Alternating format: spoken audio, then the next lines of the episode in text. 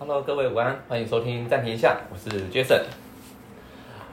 哇，不知不觉也录了十集了，那这个是第十一集。那我想透过这个第十一集来跟各位聊一下，就是哎自己录了十集有什么样的感觉啊？首先其实也很谢谢说哎一直有在听我的节目的观众朋友们，先谢谢你们。那从第这个第十一集开始。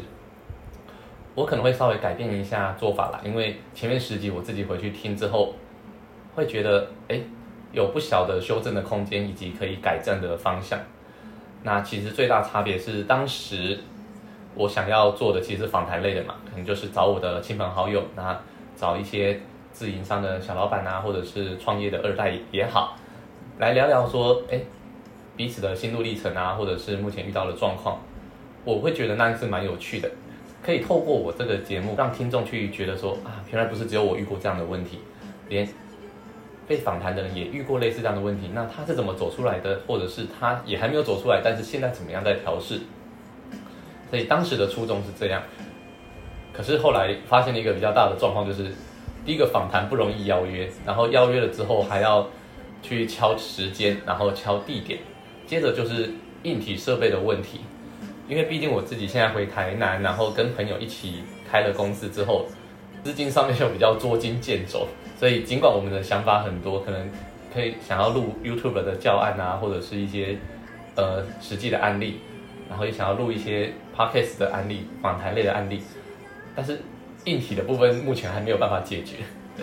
就是需要一 需要可以双人录音甚至三人录音的硬体啦，会比较方便。那用电脑的软体什么的。我也还在研究当中，所以前面十集以来，一直以来就是变成说我单一一个主持人，然后去聊聊今天的主题啊，或者是聊聊我看到的一些什么东西。那从接下来的第十一集开始，我不确定有没有办法回到访谈的这个主轴上面，但是会尽力开始做访谈。那就也把它当成是这个频道的节目规划的一环呐。那再来就是呃发布的频率吧，那原则上可能就是会一个礼拜。会出一篇，那如果说进度不错的话，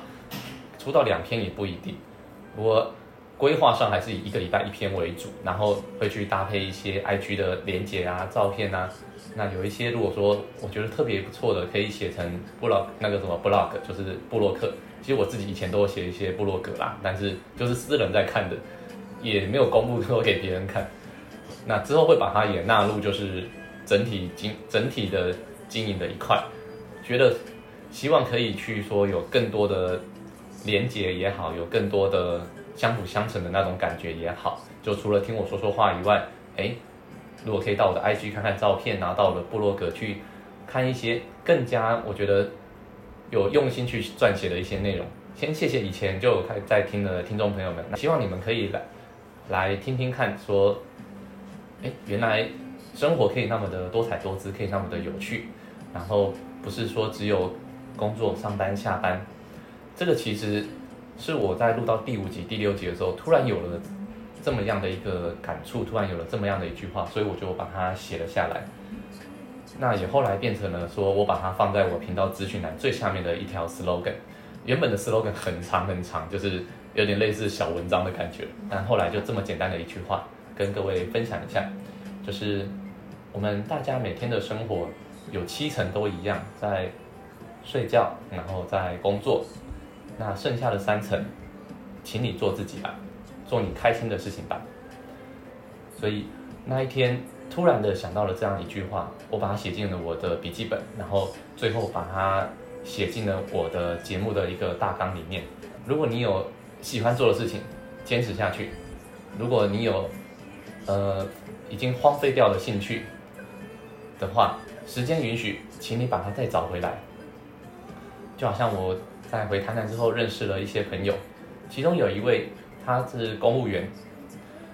而原本以前听说他还有在跳舞，可是自从进了公家单位，到一个比较忙的单位之后，哎，这件事情就荒废了。那我听完之后我就觉得，哎，好可惜哦，因为我自己以前其实，呃，除了打球以外，没有太多元的兴趣。那以前因为有想要学吉他，就是在我大学一年级、二年级的时候，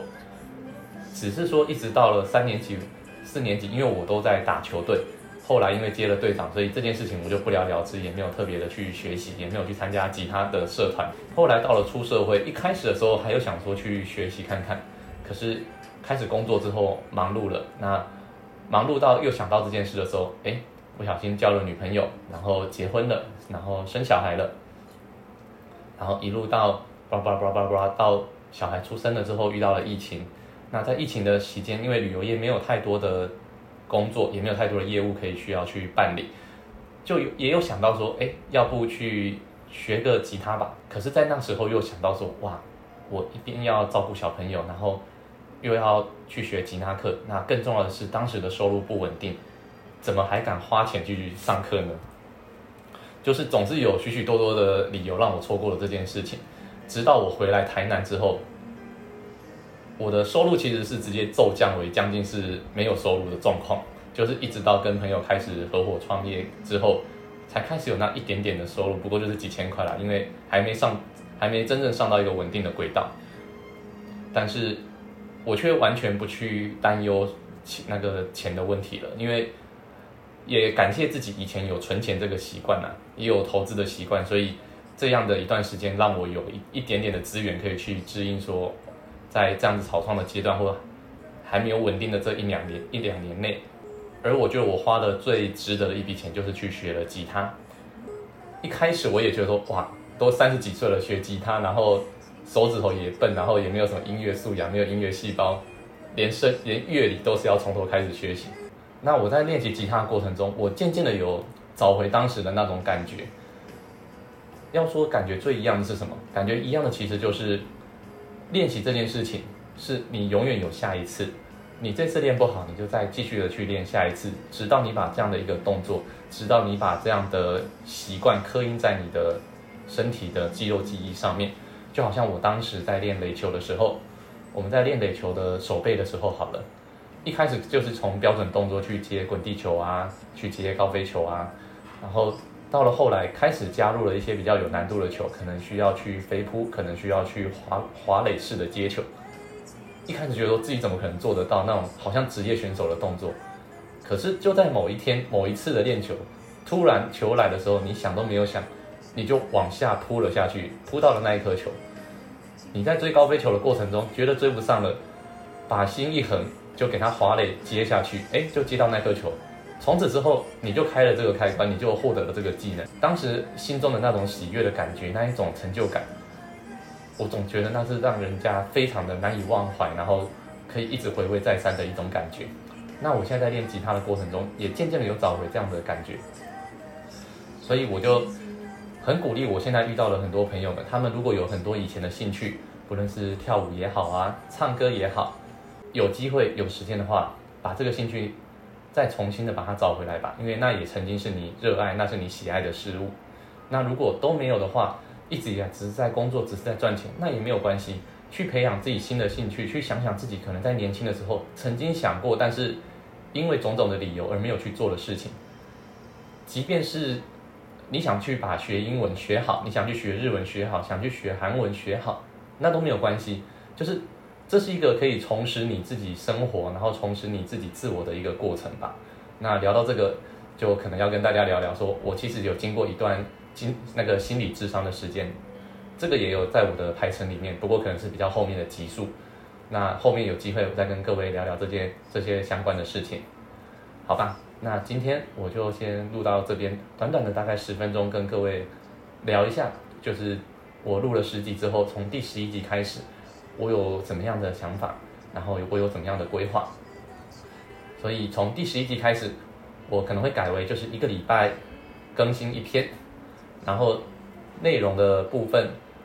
还是会维持，就是我把自己的生活、我自己的感想、我自己的经验拿出来做分享，然后在接下来的这十集录完之后，也会有一篇像这样子的回顾，跟各位再聊聊，然后再看看有什么需要可以改进的地方。欢迎各位，如果有任何的指教，有任何的建议，都可以在留言区留言给我，让我知道，好不好？那今天录音就到这里，我是暂停一下的 Jason，谢谢各位，我们下一次见，拜拜。